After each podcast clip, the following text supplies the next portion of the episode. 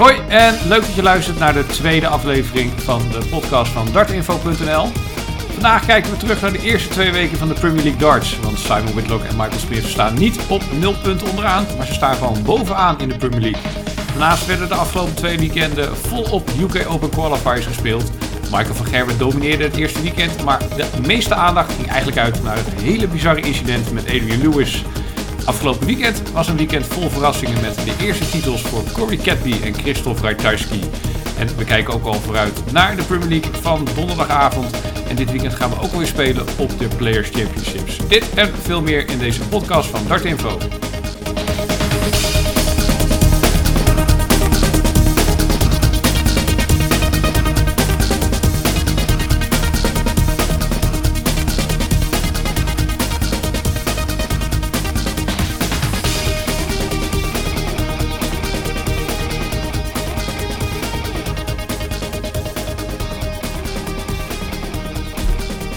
Premier League is twee weken oud en Rob Cross is de nummer laatst met een leksaldo van min 11. En Simon Whitlock, de gedoodverfde degradatiekandidaat, hij staat gewoon bovenaan met 4 punten en een leksaldo van plus 8.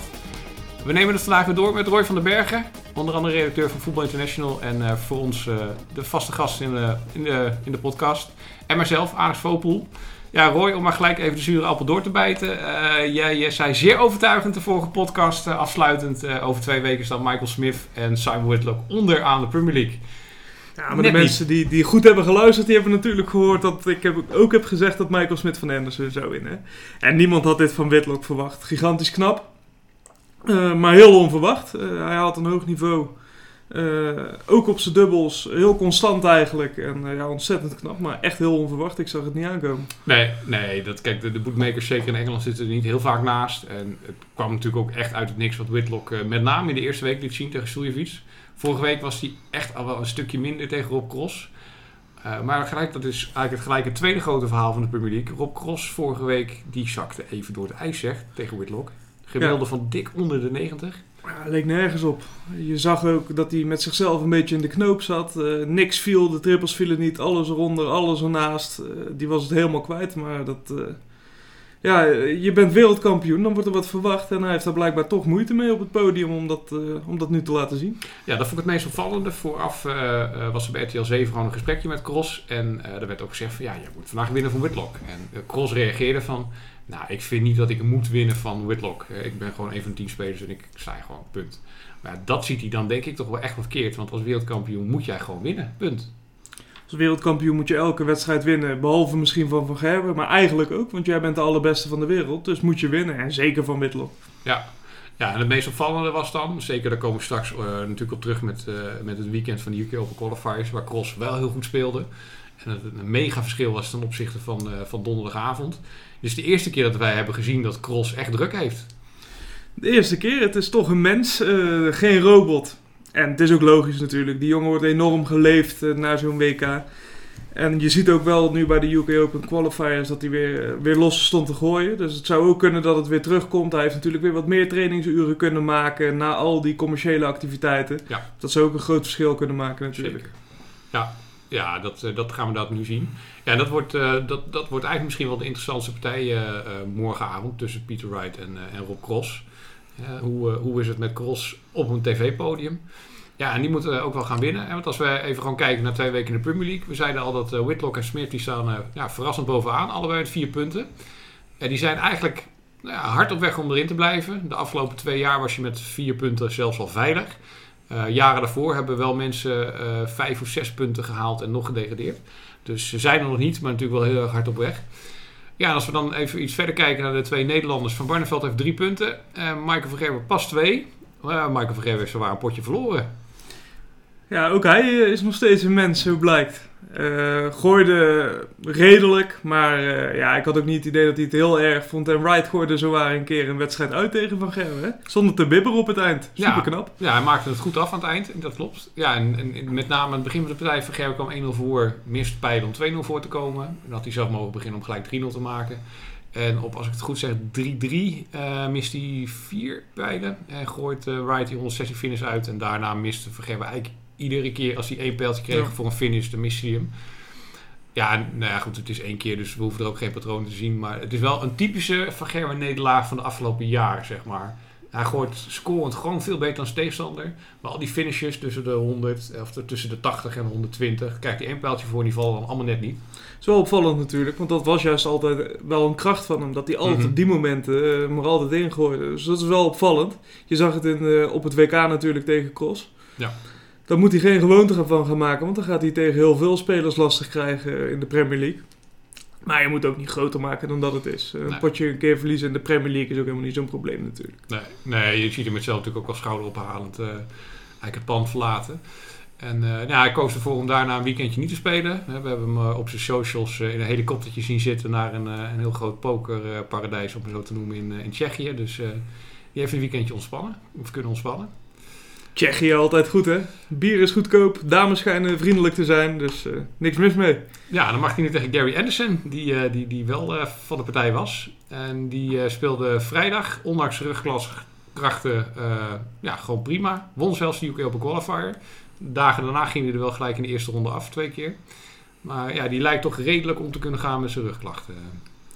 Ja, maar nog niet tegen Van Gerwen natuurlijk. Dan gooi je weer wel net in een ander tempo, net met een andere spanning, net met een andere druk. Ook iemand als Anderson voelt heus wel wanneer dat hij tegen Van Gerwen gooit. Dus dan kan het ook net even wat sneller uh, ja, gevoelig gaan worden in je rug. Ik, uh, ik verwacht ook een overwinning voor Van Gerwen. Ja, ja, de statistieken wijzen er ook op. Als je hun onderlinge resultaten ziet, dan zijn die best gelijkwaardig. Maar als je de laatste tien partijen op televisie erbij pakt... acht keer Van Gerwen, één keer gelijk geworden in de Premier League... Uh, vorig jaar in Dubai won, uh, won Anderson. Uh, dus ja, is eigenlijk de stand 8-1 met één gelijkspel erbij. Dus is Verger de laatste tijd ook wel heel erg dominant. Ja, en het is voor hem ja, gewoon zaak om, om punten te sprokkelen richting de compositie die hij eigenlijk altijd bekleedt. Ja, van Barneveld staat drie punten. Gelijkspelletje tegen Gurney. Beetje gelukkig, want Gurney miste wat matchstarts. En, ehm, ja, en won vorige week van Suljevic, dus dat gaat ook prima. Nou, Peter Wright heeft alweer drie punten, ondanks dat hij alweer met, met verschillende pijltjes heeft gegooid. Ja, dan kijken we naar de, de, de onderste helft van het, uh, het schema. Ja, Anderson pakt vorige week gewoon een goede zegen. Als rug het een beetje houdt, dan zal hij in ieder geval niet uh, in de zorgen komen voor de degradatie, denk ik. Hè. Dat verwacht ik niet. Nee, nee, dan komen we bij de huidige, uh, de onderste vier. En ja, op dit moment zou je kunnen zeggen dat die het een beetje moeten uitmaken wie eruit gaan. Gurney en Price die staan allebei op één puntje. Suljevic staat op nul punten en dat geldt ook voor Cross. Ja, als we die vier even bekijken. Gurney heeft pas één punt, maar heeft er eigenlijk gewoon al drie laten liggen. Mis matchstarts tegen Van Barneveld. En mis in de laatste vier legs mis je er drie van uh, op de dubbels vorige week tegen Smith. Ja, dat is wel gelijk uh, een, een issue'tje denk ik voor hem. Toch vind ik Gurney niet de Gurney van ja, vorig jaar eigenlijk. Hè? Van, uh, het is allemaal een beetje twijfelachtig. Hij lijkt ook niet, niet de vorm te hebben en niet het vertrouwen te hebben om echt goed te gooien. Ik, ik herken nog niet de Gurney die voor seizoen eigenlijk zo, ja, zo overtuigend was op een gegeven moment. En dan zie je bij Suljovic die bijvoorbeeld pas nul punten heeft.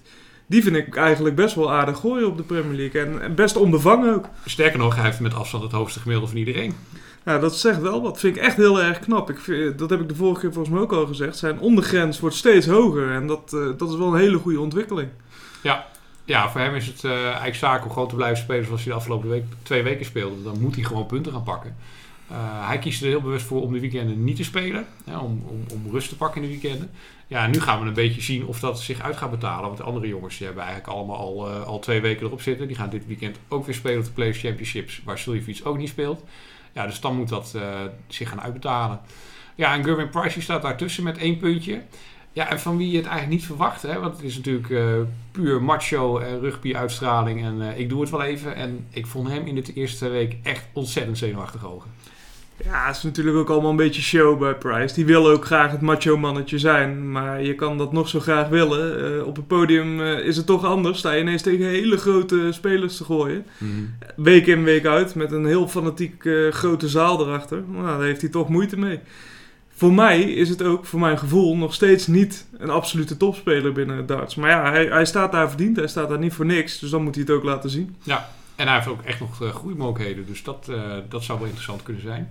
Ja, en uh, morgenavond krijgen we dan dus Gurney tegen Price. Dat is eigenlijk gelijk echt een sleutelduel. Want de verliezer van dat duel gaat echt tegen degradatie moeten strijden.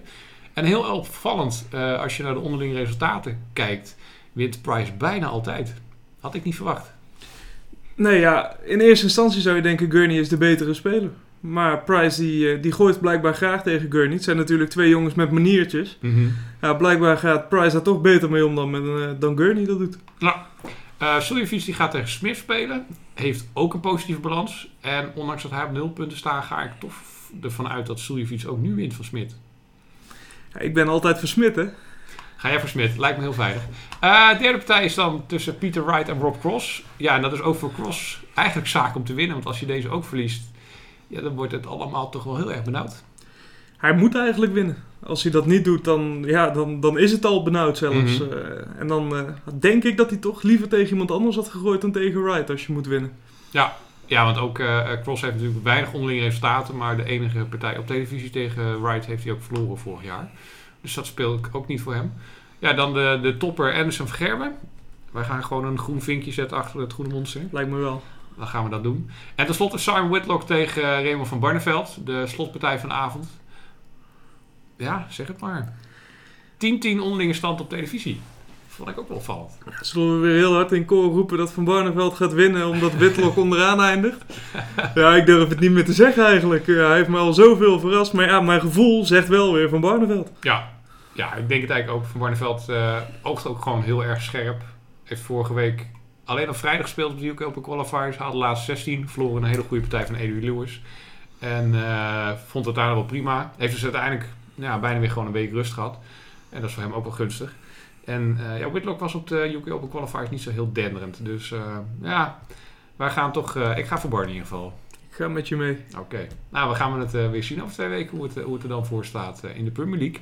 Want dan, dan zijn we al bijna op de helft van de eerste, ja, van de, van de eerste schifting, zeg maar. Dus dan, dan gaan we echt zien wie er tegen degradatie moet gaan spelen.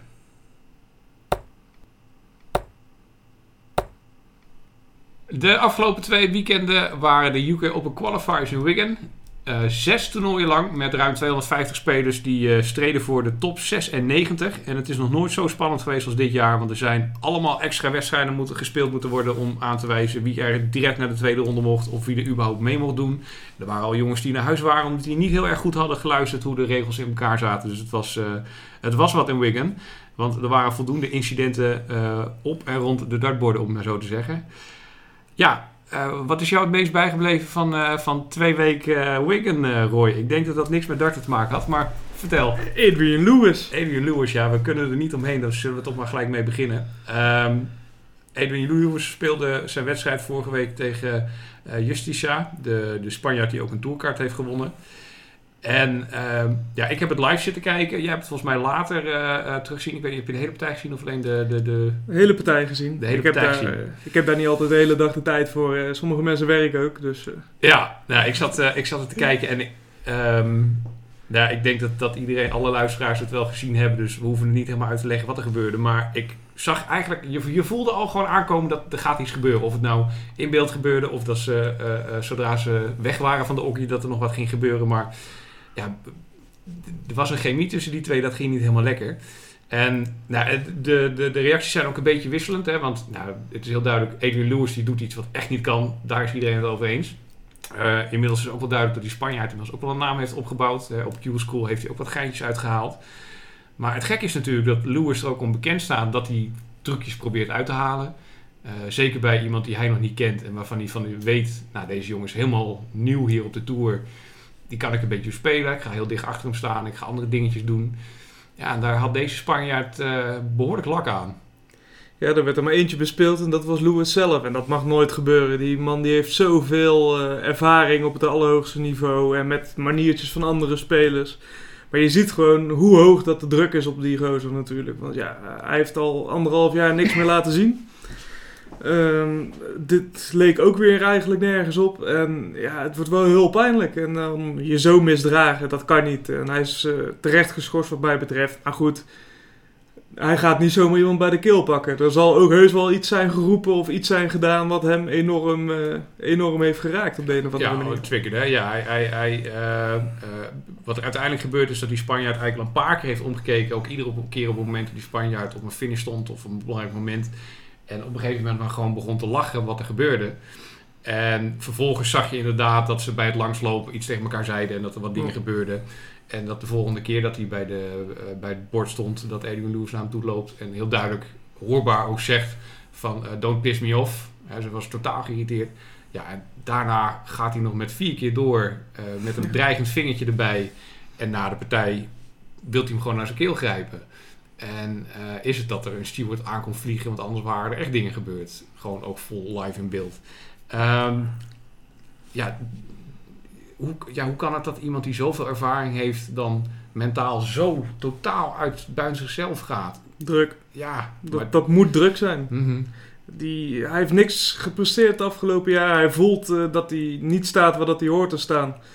Dan gaat hij tegen een, uh, tegen een Spanjaard die hij niet kent, gaat hij maniertjes proberen. Waar die Spanjaard helemaal niet van onder de indruk is. En dan raakt hij zo geïrriteerd en zo met zichzelf in de knoop dat hij zich nog erger gaat misdragen. En dat mag hem nooit gebeuren. Maar het zegt ook alles over de druk die hij ook zichzelf blijkbaar oplegt. Ja, hij had hem eigenlijk, eh, die partij eigenlijk nog verloren als die, die Spanjaard in de slotlek ook geen bouncer heeft. Want uh, die jongens stonden ook nog heel goed te gooien. Uh, ja, en, en uiteindelijk, uh, ja, het bizarre vond ik op dat moment dat hij daarna gewoon zijn halve finale mocht spelen tegen Vergerwen. Gelukkig zeg ik dan maar tussen aanhalingstekens die verliest, zodat het geen verdere gevolg had voor het toernooi. En in die partij zat ook wel een hilarisch momentje, wat eigenlijk heel weinig mensen hebben gezien, omdat dat niet uh, in alle herhaling is gekomen. Uh, maar Vergerwe heeft natuurlijk ook gezien wat er gebeurd is. En Lewis staat zo kort achter iemand dat Vergerwe toen hij naar de, van de okkie afstapte naar zijn pijlen toe, dat één keer iets langzamer deed, zijn voet naar achter deed en daardoor Lewis vol op zijn schenen raakte. Waarbij Lewis ook echt lachend stond van jongen, wat doe jij nou?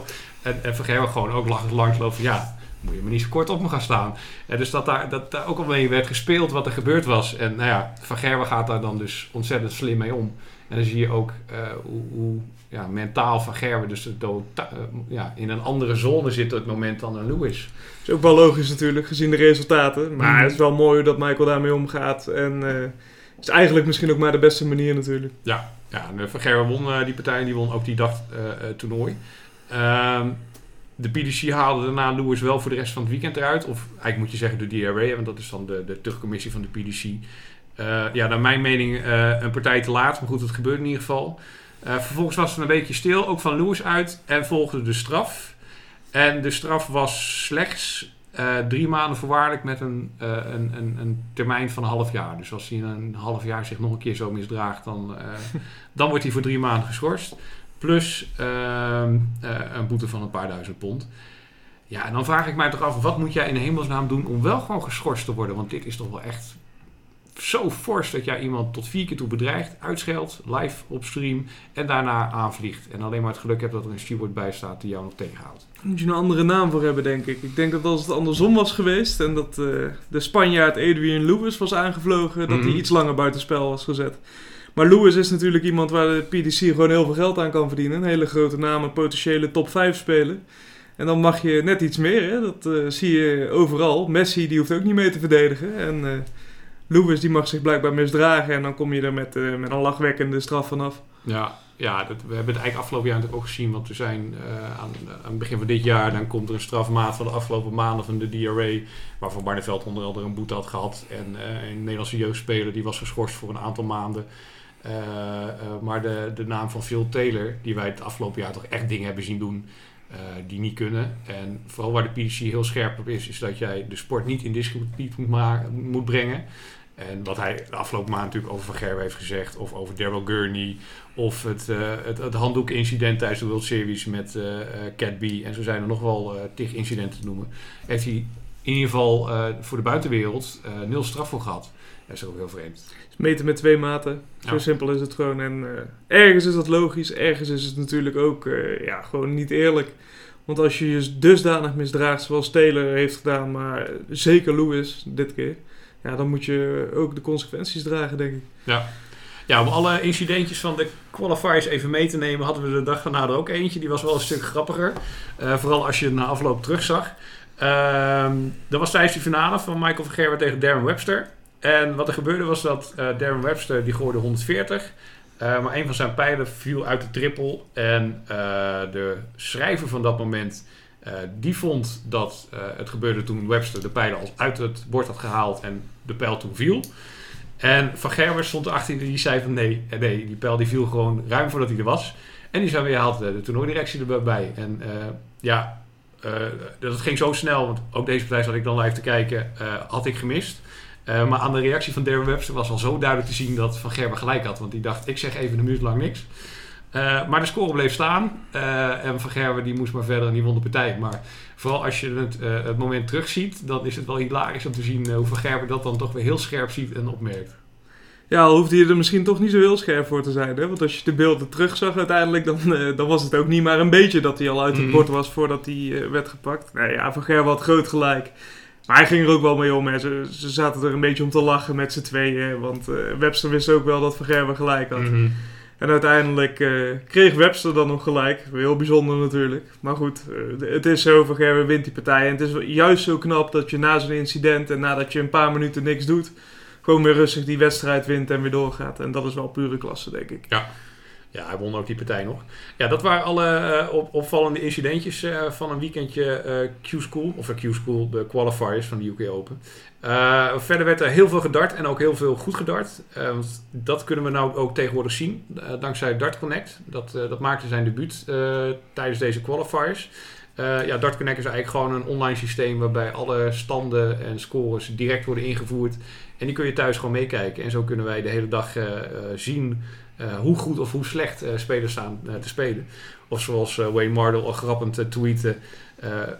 thank God dat we nu af zijn van de spelers die na afloop van het toernooi naar mij toe komen om te klagen. Van ik stond zo fantastisch te gooien en die jongens gooien altijd alles tegen mij. En ja, nu kun je gewoon zien dat ze zelf dramatisch stonden te spelen bijvoorbeeld. Dus ja, dit is wel weer echt een toevoeging die ja, bij de PDC hoort qua professionaliteit. En ja, het is echt fantastisch als je ziet wat je nu allemaal kunt zien. Qua ontwikkeling past het er perfect bij. En je ziet ook steeds meer mensen kijken darts. En steeds meer mensen willen meer, meer en nog meer. Ja, dan moet je dit hebben natuurlijk. Je kan alles op de voet volgen. Van gemiddeldes tot uh, finishpercentages. Uh, je ziet alles. Je zit gewoon live mee te kijken eigenlijk. ja, is prachtig natuurlijk voor de liefhebber. Ja, ook gelijk heel pijnlijk voor jongens die, uh, die, die niet zo goed presteren. Want uh, als we naar het eerste weekend kijken. Uh, van der Pas die had qua gemiddelde over het hele weekend gemeten het zes na slechtste gemiddelde. En die stond echt heel erg slecht te spelen dat weekend. Ja, dan is het ook wel weer gelijk heel erg pijnlijk. Dat hoort er ook bij, hè? Het kan niet altijd alleen maar feest zijn. En Benito, die, ja, die maakt het zelf zo pijnlijk. Dan moet hij beter gooien.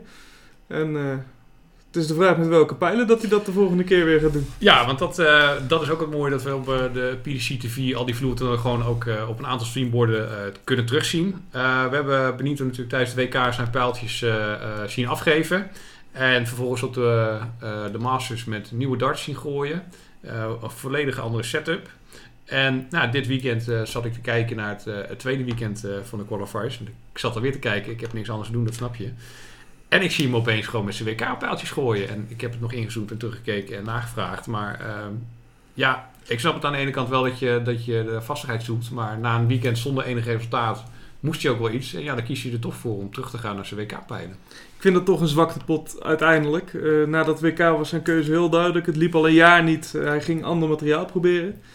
Uh, een jaar lang heeft hij dat dus wel volgehouden met, die, met het materiaal waarmee het niet lukte. En dan nu geef je het heel snel op met nieuw materiaal. Mhm. Je moet daar ook vertrouwen in krijgen en vertrouwen in ontwikkelen. En als je zo snel alweer teruggaat naar je eigen pijlen, naar je vorige pijlen, dan zegt dat ook heel veel over een compleet gebrek aan vertrouwen wat hij heeft natuurlijk. Ja, maar dat hebben we het de vorige keer ook over gehad. Op de Masters was het natuurlijk heel erg zichtbaar. Ja. Ja, het is, uh, het is jammer. Benito heeft heel veel kwaliteiten, maar uh, mentaal heeft hij het heel erg moeilijk. En dat is wederom gebleken. En dat moet toch echt heel snel gaan veranderen als hij de aansluiting niet helemaal kwijt wil raken. Ja, nou, dat is ook wel een van de punten waarom ik denk dat hij ook misschien geen keuze had om deze stap nu even niet... dat, dat hij die keuze nu wel even moest maken. het lastige van Benito is, is dat hij op dit moment gewoon de nummer 14 van de wereld is. Daar sta je natuurlijk gewoon fantastisch bij. Maar hij moet in de komende maanden van twee jaar geleden uh, een aantal toernooizegers verdedigen. Twee jaar geleden won hij een aantal toernooien op de Players Championships. Dat gaat van zijn prijzengeld af. Als je nu kijkt naar de opgeschoonde wereldranglijst voor de plaatsing voor de World Matchplay, staat hij buiten de top 16. Dat is niet zo heel erg als jij gewoon je ook nog plaatst via de Pro Tour Order of Merit. Maar als je ook die ranglijst bekijkt vanaf de zomer tot aan nu, staat hij ook buiten de top 16 van die ranglijst. Kortom, op dit moment zou hij niet geplaatst zijn voor de World Matchplay. Dan ben jij nu nog de nummer 14, maar dan kun jij binnen een rotvaart heel erg snel afzakken.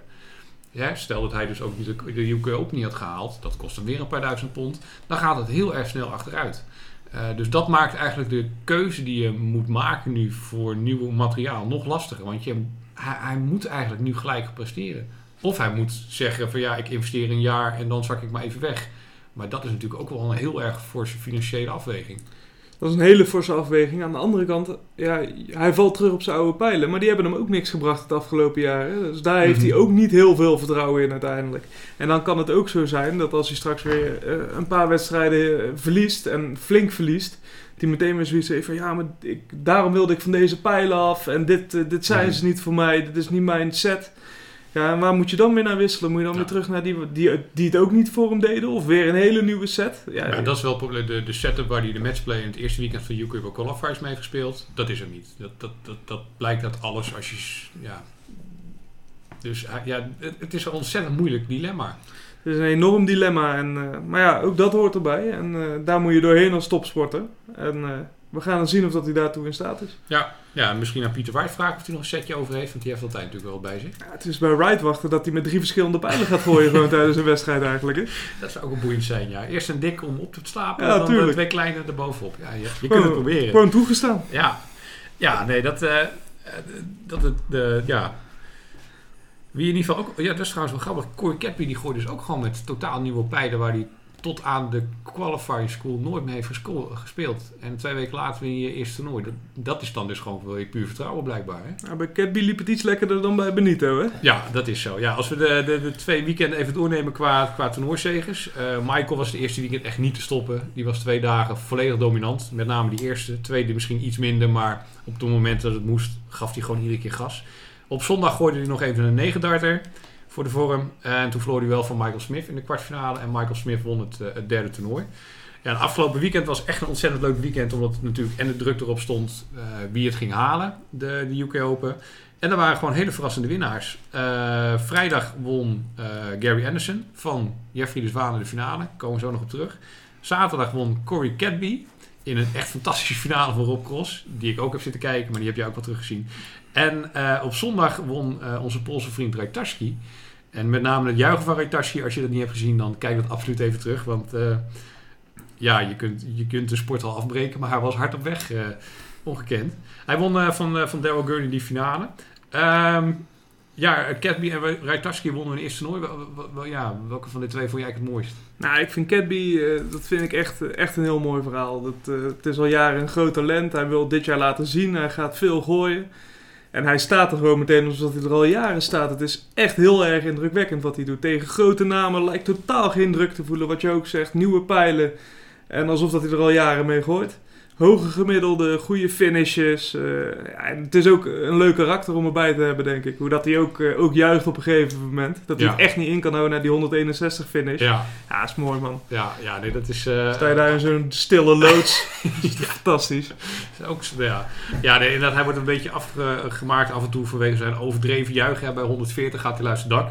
En je ziet ook nu dat hij eh, eh, ook op de vloer dat af en toe toch eh, niet kan laten. Maar goed, in die finale ben je de enige partij die nog bezig is. En ja, als je dan...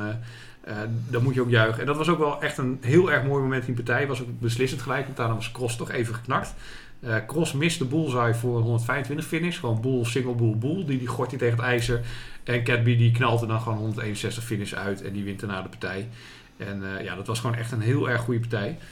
En het grappige is dan, we hebben het over Benito gehad. Benito kwam gewoon in de eerste ronde van hem 5-1 voor tegen Catby. Mismatch daar. En daarna wint Catby het toernooi. Dat zo een dichtbij zit het ook allemaal weer. Ja. Ja, Ja, dat, dat is mooi. dat blijft, eh, blijft, blijft mooi. Eh, ja, Cross die, eh, die won die dag onder andere van Jan Dekker met een gemiddelde van 118. En Jan Dekker die bleef achter met 112 gemiddeld. En dat deed Jan Dekker trouwens ook de dag ervoor tegen Jeffrey de Zwaan 112 gooien. Ook verliezen. En vervolgens haal je niet de UK Open qualifiers. Of eh, de UK Open hoofdtoernooi. Dat is natuurlijk ook bizar. Eh, maar dat geeft ook gelijk aan wat voor niveau er dan op die vloertoernooi gewoon af en toe wordt gegooid. Hè. Dat, eh, dat kun je nu dus echt inhoudelijk zien. En dat is echt schrikken als we toe... eh, Ja, op die vloertoernooi ligt het niveau nog veel hoger dan op televisie. Zeker bij de, niet de topspelers, zeg maar. En eh, ja, Jan Dekker twee keer 112 en je niet plaatsen. het, is, het is bijna zielig eigenlijk. Ja, nee, dat, eh, ja dat, daar ga je niet lekker van slapen. Ja, en ook weer een nieuw gezicht. Uh, Rajtaski, die we natuurlijk vorig jaar op de European Tour al heel veel hebben gezien. En eh, hij haalde het WK daardoor. Verloor hij in de eerste ronde. Eh, hij won vorig jaar bij de BDO de, World, eh, de Wimma World Masters. En ja, nu laat hij het ook gewoon bij de, bij de PDC zien. Ja, door gewoon ook een aantal jongens. Hij won van Cadby, hij won van Cross in de halve finale en dan van Gurney in de finale. Ja, dat, dat, dat belooft toch veel ook. Het zijn wel echte tegenstanders waar je van wint. En ik denk dat de PDC er erg blij mee is met het oog op een beetje het oosten van Europa. Dat, Ja. eh, die kunnen wel zo iemand gebruiken natuurlijk. En hij gooit goed, hij eh, juicht goed en eh, hij scoort goed. Dus ja, een, echt een aanwinst Ja. tot nu toe. Ja, nee, dat kun je wel stellen. Ehm, ja, het, hele weekend werd ja, voor ons Nederlanders dan een beetje gekleurd door ja, dat toch de verrassende namen. Want Van Ger was er niet. Van Bernardveld speelde alleen op vrijdag. En toen haalde hij dus de laatste sessie en toen ging hij ook naar huis. Ja, wij zagen op vrijdag opeens eh, eh, Jeffrey de Zwaan eh, zijn potentie echt laten zien met de finale plaats. Fantastisch hè. Ook als je zijn gemiddelde ziet en zijn finishes, echt heel goed. Die, die gaat heel erg snel. Dat zou zomaar eens iemand kunnen zijn die dit jaar echt al de, echt al de aansluiting gaat vinden. Ja. Ja, wat ik vorige keer zei, hij heeft natuurlijk een blessure gehad waardoor hij eigenlijk een beetje geremd is. Moest weer naar Q-School, haalde zijn tourkaart de eerste dag.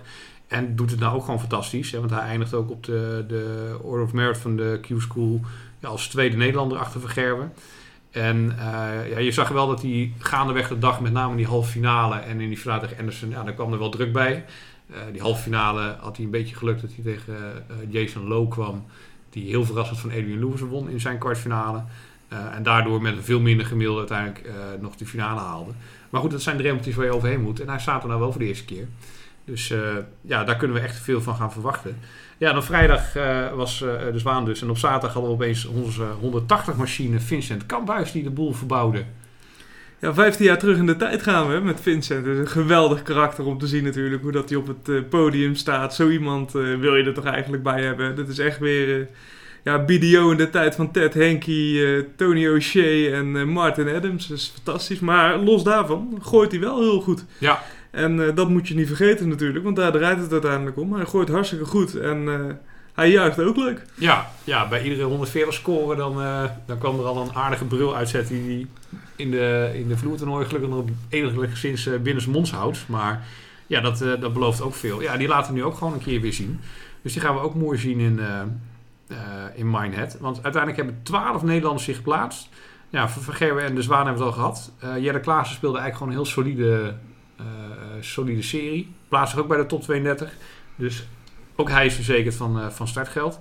Eh, Danny Noppert werd vierde Nederlander dankzij een kwartfinale op de slotdag. En die had hij ook nodig, want de eerste dagen was voor hem toch zichtbaar wennen. Hij was op het nippertje met Noppert. Eh, ik vind Noppert wel een speler die echt, eh, echt potentie heeft, die echt eh, talent heeft. Maar had het wel heel erg moeilijk al op die dagen. En eh, dat blijft dus even afwachten. Maar hij heeft zich uiteindelijk geplaatst in 12 Nederlanders door. joh. Echt eh, geweldige aantallen natuurlijk. Ja, dat is, eh, een heleboel. Eh, Vincent van der Voort zit er ook bij. Die eh, ja, heeft geen opvallende eh, qualifiers gespeeld, maar zich gewoon heel solide geplaatst. Dat geldt ook voor Jeremy Watimena. De hele jonge Geert Netjes, die heeft zich ook geplaatst, vooral door een heel goed eerste weekend. Nou, Van Barneveld speelde dan dus maar één dag. Daardoor moet hij wel, of drie dagen, maar hij haalde één dag het geld. En daardoor moet hij wel gelijk in de tweede ronde instromen. Eh, Ron Meulenkamp plaatste zich. Eh, Dirk van Buivenbode plaatste zich op het nippertje. En Benito van der Pas haalde het ook net. Hij kwam net boven de streep uit. En ja, wat ik ook wel opvallend vond van de, van de 31 spelers die eh, een tourkaart op Q-School dit jaar haalden, hebben 14 mensen zich geplaatst. En dat is natuurlijk ook wel een boel. En van de Nederlanders was Mario Robbe eigenlijk de enige die dat, die dat niet deed. Ja, dan draai ik mijn blaadje even om, want ik heb ook even opgeschreven welke ja, toch wel bekende namen het niet hebben gehaald. En dat zijn er nogal heel veel. Dat zijn er nogal wat. Eh, ja, als we er even een paar uitpikken. Jan Dekker zeiden we net al. Ja, die heeft dan echt ontzettend pech met, eh, eh, met loting en dat hij het niet haalt. En dat is ook wel echt heel erg duur. En ook een beetje pech op countback. Want hij had zeven- eh, 750 pond. En eh, een aantal jongens die dat bedrag ook haalden zijn er wel gekomen. Maar eh, doordat ze hun prestaties later haalden, mochten zij er wel in. Eh, Jeff Smith, eh, halve finale Lakeside, twee, of finale zelfs Lakeside twee jaar geleden. Eh, dit jaar op PDC WK eerste ronde eruit, geen Q-school, eh, geen tourkaart gehaald. En nu dit ook net missen. Dat schiet ook niet op. Eh, Mark Webster, ook toch iemand die gewoon Lakeside heeft gewonnen. En die het ook nu niet redt. En wat wel heel erg zuur is, is onze Braziliaanse vriend Diogo Portella. Die het gewoon opnieuw iets net niet haalt. Hij heeft net niet geen tourkaart gehaald. Vorig jaar haalde hij net geen UK Open. En nu haalt hij ook weer net geen UK Open. Ja, dat moet je ook niet te vaak doen, hè? dingen net niet halen. Ja, hij zit er heel dicht tegenaan, maar hij zit er wel ook steeds net naast. Ja. En als dat zo blijft, dat wordt wel heel jammer. Maar ik denk dat de PDC dat ook heel jammer vindt met het oog op, eh, op de Zuid-Amerikaanse markt. Ja. Ja, ik bedoel, eh, als hij de eerste ronde instroomt, is gewoon gegarandeerd eh, een podiumwedstrijd. Hè? En dat is allemaal weer aandacht die die, eh, die, die nu misloopt. Ehm, Max Hop heeft het ook niet gehaald. En ja, dat, dat, ja, ik vind het op zich een beetje lastig. Ja, hij wordt eh, eh, ontzettend gepusht. En volgens mij, juist daardoor, lukt het maar niet. Ja, ik begin steeds meer bij Max Hopp het idee te krijgen dat hij misschien gewoon niet zo goed is als het heel veel mensen denken dat hij is. Eh, het is toch wel heel vaak niet, hè? En eh, het is nu al best wel lang ook steeds net niet. Hij moet toch een keer gaan gooien. Ja. En, ja, op Ja. deze manier. Ja, nee, hij, hij blijft zo weer hangen en dat, dat blijft heel lastig. Steve Lennon was afgelopen jaar super solide in zijn eerste jaar. Nou, die heeft denk ik een beetje het, eh, eh, ja, het probleem van de rookie. Goed eerste jaar en dan moet je er doorheen komen. Die mist nou opeens gewoon ook eh, de UK Open. Dat geldt ook voor Brandon Dolan. Die toch weer best een leuk WK gooide, maar het dan nu wat afweten. Ehm, ja, van de Nederlanders Jordi Meeuwse, Jeffrey de Graaf haalde het niet. Sven Groen haalde het niet. Michael Ploy haalde het niet. Ryan de Vrede haalde het niet. Mario Robbe haalde het niet. En Christian Kist haalde het ook niet. Maar ja, Kist die heeft dus weer eh, jichtaanvallen gehad. En ja, dat blijft voor hem natuurlijk wel echt een, eh, ja, een ontzettende drempel. Waar, ja, dus, ja, om de zoveel tijd ligt hij er gewoon even uit. En dat, dat maakt het wel heel lastig om gewoon op een solide niveau te spelen. Ja, ook heel sneu. hè. Je kan bijna geen, geen vertrouwen ontwikkelen op die manier. Terwijl Kist is wel echt een hele goede darter. Is iemand die echt mee zou kunnen. Maar steeds met die fysieke problemen, ja, dat wordt een heel moeilijk verhaal. Ja. Ja, en dat blijft vooral terugkeren. Dus ja, mentaal moet je er ook maar iedere keer overheen stappen. Ja, wat ik dan wel grappig vind, eh, eh, Jamie Caven en Aaron Monk hebben het allebei niet gehaald. Maar die heb ik dus onderling ook een potje zien spelen. Was gewoon een ontzettend goede partij die naar een 11e lek ging. En Jamie Caven won die partij met een 11 of een 12 darter. Ja, die zie je dan ook als ze allebei eh, maar 250 en 0,0 pond hebben gehaald. Ja, dan zie je dus ook hoe, hoe dat niveau is zo'n hele week. Ronnie Huibrechts blijkt ook een beetje af te haken. Die heeft het ook niet gehaald. Ja, en dat kunnen we eigenlijk al wat langer zeggen van, eh, van Ronnie Baxter. Daar nemen we langzaam van afscheid van. Ja, Wes Newton hebben we vorige keer al uitgebreid besproken. Hadden nu ook weer 0,0 pond. Dus dat schiet ook niet op. Eh, Kevin Painter heeft ook geen enkele pond verzameld. En dat geldt ook dan nog voor eh, Kevin Munch. Die Amy News het WK eruit gooide. Ja, dan vrees je ook weer een beetje een one-day fly momentje. Eh Devin Peterson, onze Zuid-Afrikaanse vriend, is er niet bij. Robert Jon Rodriguez was ook een talent die heel snel kwam, maar nu het ontzettend moeilijk heeft. En tenslotte Dean Stanley. eh, ja, die had ook echt, als je zijn gemiddeldes zag, gewoon echt totaal niks te zoeken dan momenteel even. Ik weet niet of hij nou nog steeds niet helemaal hersteld is van zijn, zijn blessures, maar dat was oud. Ja, en tenslotte nog twee namen. eh, Robbie Green en Pieter Schack. Die hebben eh, allebei een 39 gegooid op de qualifiers en je niet plaatsen. Het is toch ook bizar. Ja, het niveau is echt heel hoog hè, op, die, grond- op die vloertoernooien. En eh, je ziet ook dat de nieuwe jongens zo makkelijk aansluiten. En eh, de sport al zo serieus nemen in de training. Dat je echt ziet dat hun, hun niveau, hun basisniveau al heel hoog ligt. En dan ga je hele grote namen krijgen die zich dus gewoon niet plaatsen. Nee, begin maart eh, gaat het allemaal gespeeld worden. En eh, de loting is inmiddels ook al geweest. En ja, we hebben het dan over Benito gehad. En dan zie je de loting. En dan moet Benito in de eerste ronde tegen Christo Reyes. Die het ook niet zo lekker heeft. Maar je kan ook gewoon een pub qualifier loten. Hè? Het zit ook eh, allemaal niet mee. Hè? Laten we het daarop houden.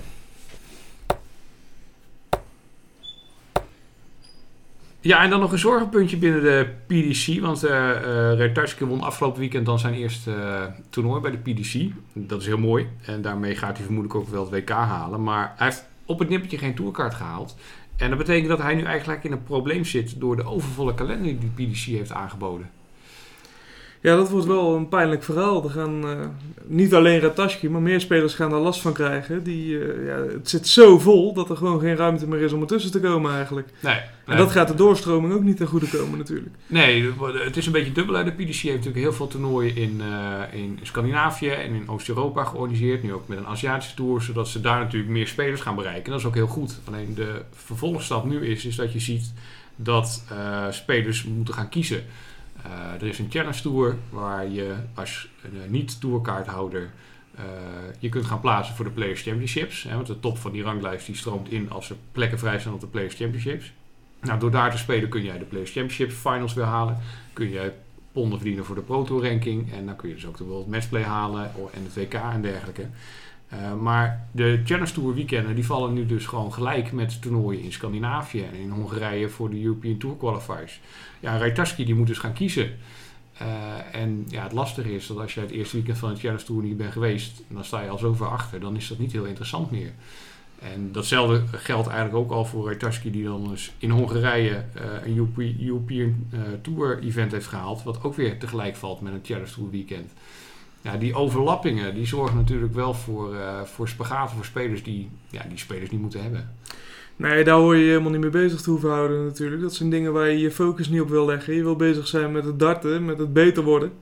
En niet met dit soort verplichte keuzes. Want ze hebben natuurlijk eigenlijk geen keuze. Ze moeten wel gaan kiezen tussen verschillende toernooien. Ja, en daardoor uit bepaalde regio's worden mensen eigenlijk gewoon benadeeld op dit moment. Ja, ja, dat is het, het grootste probleem natuurlijk. Dat een Rajtaski, uh, die kiest logischerwijs voor de qualifiers van de European Tour. want als je er daar één verhaalt, startgeld is 1000 pond. Dat is gewoon inkomsten. En uh, op de Challenge Tour moet je maar afwachten wat eruit komt.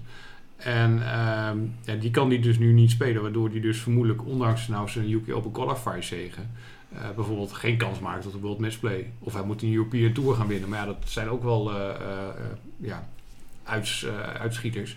Maar goed, hij schiet er dan bovenuit qua Oost-Europese spelers. Maar alle andere jongens uit Oost-Europa en uit Scandinavië, die gaan dus ook niet op de Challenge Tour spelen. Terwijl ze dat wel mogen. Ja, dat zorgt natuurlijk wel voor uh, een, een, disbalans. Ja, het antwoord van de PDC is natuurlijk heel makkelijk. Van, ja, we kunnen, uh, iedereen heeft de kans gehad om een tourkaart te halen. Als jij een tourkaart haalt, is het probleem weg. Maar ja, dat, voor de doorstroming van al die jongens die dan dus wel naar Q-School zijn gegaan omdat ze een kans zien, laat je het wel ontzettend liggen. Ja, vervolgens hebben die jongens eigenlijk bijna geen kans meer om zich ertussen te mengen. Het is op de Q-school een kaart halen en zo niet. Ja, zoek het maar uit, zeggen ze bijna. En ja, mhm. dat mag niet kunnen. Zeker niet ook in die landen waar de PDC nog meer uh, jongens uh, wil promoten en, en voeten aan de vloer wil krijgen. Ja, dan, dan moet je ze ook ruimte geven om, om zich te kunnen ontwikkelen en om, uh, en om in te kunnen stappen. En die ruimte die is nu heel erg klein, heel erg beperkt. En dat is wel zonde natuurlijk. Ja. Ja, zeker bij Retaski zie je dus wat ontwikkeling doet. Want hij heeft vorig jaar uh, 11 van de 12 European Tours gespeeld. En gaandeweg door het jaar heen werd hij gewoon steeds beter en beter. En dat komt gewoon omdat je natuurlijk ervaring op doet. En als jij gewoon een aantal keer als Poolse uh, jonge speler naar Engeland gaat om die Tour te gaan gooien. Waar je gewoon gelijk vier weekenden of vier toernooien per weekend mag spelen. Daar word je alleen maar beter van. En die, die drempel die, die blijft nu raar genoeg uh, liggen. Ja, daar moet de PDC iets aan gaan doen. En dat zullen ze zelf ook heus wel weten en niet toegeven nu. Maar daar gaan ze iets aan doen, want dat kan niet anders.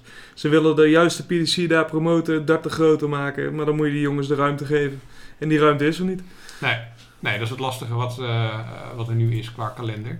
Ja, dus dat, uh, dat gaan we zien in de komende ja, jaar. Want ik neem aan dat de komend jaar dat toch al snel wat wijziging in gaat, uh, gaat komen. Over de kalender gesproken de komende twee weken. Uh, de Premier League is uh, nu dus in Newcastle. Vrijdagavond zijn de eerste European Tour qualifiers voor de Britse spelers. Waar Van Barneveld trouwens ook mee doet. Die kiest ervoor om hier te spelen, omdat hij nu toch al in, in Engeland is. En hij kan overigens de, de, Europese variant ook eigenlijk mooi spelen door de Premier League. Zaterdag en zondag zijn de Players Championships in Barnsley. Volgende week gaan we voor de European Tour, eh, voor de Premier League voor het eerst naar Duitsland, naar Berlijn. Dat wordt heel interessant. En daarna hebben de spelers uh, ook een weekendje rust zowaar. Dat uh, zal even wennen zijn na een maand vol spelen. En dan zijn wij er ook weer. Roy, bedankt. Ja, jij bedankt en tot de volgende.